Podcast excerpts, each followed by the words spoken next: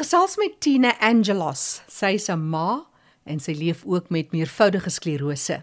Hierdie oud Gautenger wat deesdae in die Kaap bly, leef voluit met haar kinders Tina, en jy wil graag met ons deel want jy wil ook die bewusmaking vir meervoudige sklerose aan ander bekend maak dat dit nie 'n doodsvonnis is nie en jy daar's nog maniere om baie dinge in die lewe te doen. Want jy het besluit om mamma te wees. Hoe het jy tot so besluit gekom?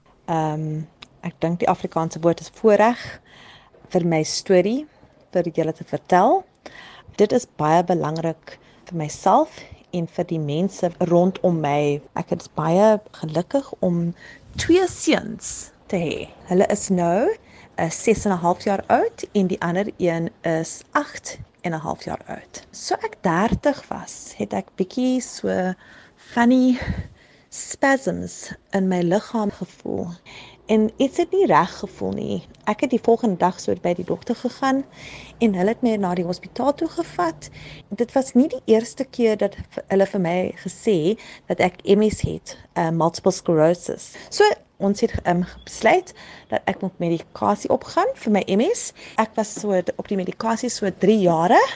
Ek ons het gedink nou is dit tyd om 'n familie te te hê. So ek het af my medikasie gekom en net so ehm um, probeer om kinders te hê. Ek het baie ehm um, ongelukkig het ek so 7 miskame gehê gedurende hierdie jare en ons het nou besluit nou is dit tyd om surrogaat te gaan. My man ehm um, gedurende daai daai time het maatskaplike werke gebel net vir haar te vra as hulle vir ons 'n surrogaat het. En kan jy dit glo? Dit was 'n jaar later. So Wilne Malherbe sê is die sosiaal werker. Sy het vir my daai my man gebel en gesê reg. Jou surrogaat Mariska is nou gereed. So dit was net 'n gift from heaven. En so begin die storie. Die hele proses van 'n surrogaat ma vir jou en jou man se kinders was nogal 'n uitdaging want jy wil die regte persoon hê, maar jy sê dit is eintlik heel eenvoudig. Jy moet net op die prosedure gaan en die wetgewing in Suid-Afrika is ook baie goed deurdink. Dis baie belangrik want in Suid-Afrika het ons fantastiese Suid-Afrikaanse law om hoe surrogaat en hulle noem hulle die intended parents. Wat is die proses? Reg, die eerste ek sê vir jou dis die beste die beste opsie. Jy moet regtige maatskaplike werke jy moet een kry. Dis baie belangrik want sy kry die sy doen die matching van die uh, surrogaat en parents. Ons wou 'n surrogaat hê wat binne in ons lewe wou bly. So Mariska ons noem maar anti anti M's En die proses is baie sodat die dat die surrogaat ma moet eers sy eie kind hê, een of twee of drie of wat ook al. 'n Mens in Suid-Afrika, 'n vroumens kan nie 'n surrogaat wees nie as sy nie alreeds 'n kind ge gehad nie. En sommige mense wou net 'n surrogaat hê en die baba's gebore en hulle sê goodbye en alles is reg dis ook goed. Um ons wou surrogaat hê om om in ons lewe en in ons kinders se lewens te bly. Sy het vir um Mariska gekry. Um sy het baie name op sy boek wat en sy weet reg sy het die parents um geontmoet in die surrogaat. Dan sy set up 'n meeting die met die drie van julle en ons sit en ons begin en ons praat en sy het vir ons gesê wat by jou hê, uh wat gaan gebeur en op daai daai meeting is baie belangrik want jy jy ken van 'n mens, jy kan dit voel of dit reg is of nie. En ons het um immediately so Mariska so dit was ons was so gelukkig met haar en sy was gelukkig met gelukkig met ons. So dan jy kry 'n prokureur. Dit daar spesiale prokureurs wat in hierdie in die werk doen. En um both die surrogaat en die ma en pa gaan so 'n uh, uh, uh, proses met 'n psychologist en hy of sy sê reg jy is nou reg vir surrogaat al drie van julle.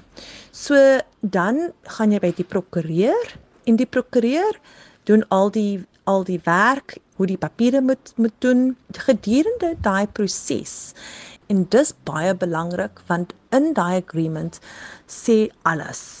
So wat gaan gebeur as miskien iets nie reg is nie met die baba of wat gaan gebeur of die parents is dood en dan wat gebeur met die baba en alles is daar en ook die costs. Dis ook hulle hulle die die laws in Suid-Afrika sê baie baie klee en regtig.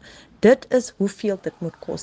Dit is die kos van mediese fonds, dit is die kos vir die hospitaal, dit is die kos vir die klere, vir die surrogaat, alles en dan is alles reg. Dan jy gaan na 'n prokureur, dan met die prokureur sê gaan na 'n advokaat, daai advokaat gaan na die high court, as hy high court toe gaan, het jy die stamp en dan kan jy probeer om die proses begin met IVF. Tina Angelos wat vandag met ons gepraat het oor die proses van surrogaatma, want sy lewe met meervoudige sklerose, MS, en is 'n trotse ma van twee seuns en eintlik 'n goeie vriendin bygekry. Sy's die woord is 'n carrier van die baba. Sy's die oven. So Desember daai jaar in 2012 was sy swanger en ons het ons eerste kind in 2013. Ek was daar, my man was daar. Ehm um, dit is baie belangrik dat jy weet in hierdie proses jy ontmoet al die mense by die hospitaal, hulle weet 'n surrogaat en die ma, soos ek is in een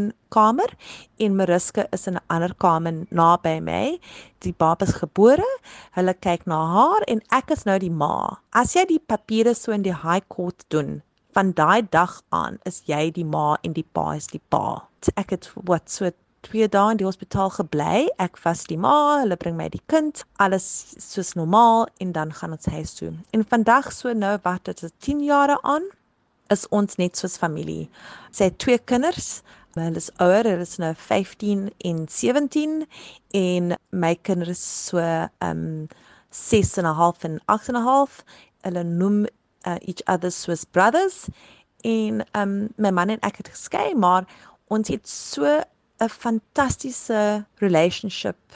Sy is my engel, sy sê ek is haar engel en dit is net groot groot ehm um, voorreg.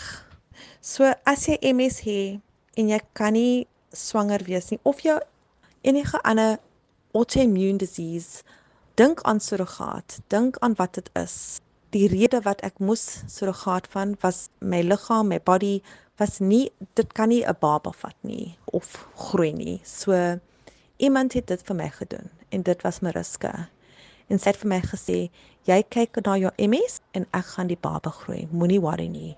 En alles was net reg. Ek hoop dit gee vir jou mense bietjie inspiration om dit as jy in die similar situation is vir julle te te dink aan dit en ek is altyd available as iemand wil my vra vra en baie dankie Jackie oor hier die opportunity net vir jou vir my storie te vertel. En Jackie, die laaste ding ek wil net vir mense sê, as hulle hulp nodig, hulle kan uh ons bel of my 'n e-mail stuur en dit is baie belangrik om te weet dat mense met 'n rare disease soos MS of anders. Hulle is die mense wat die hulp nodig het. Dit is belangrik dat 'n mens of hulle kan help in enige manier vir die mense vir MS nodig. Ons vra net asseblief na die mense wat die uh, miskien die pharmaceutical companies wat net da daaruit vir die medisyne vir die IVF dis so verskriklik expensive.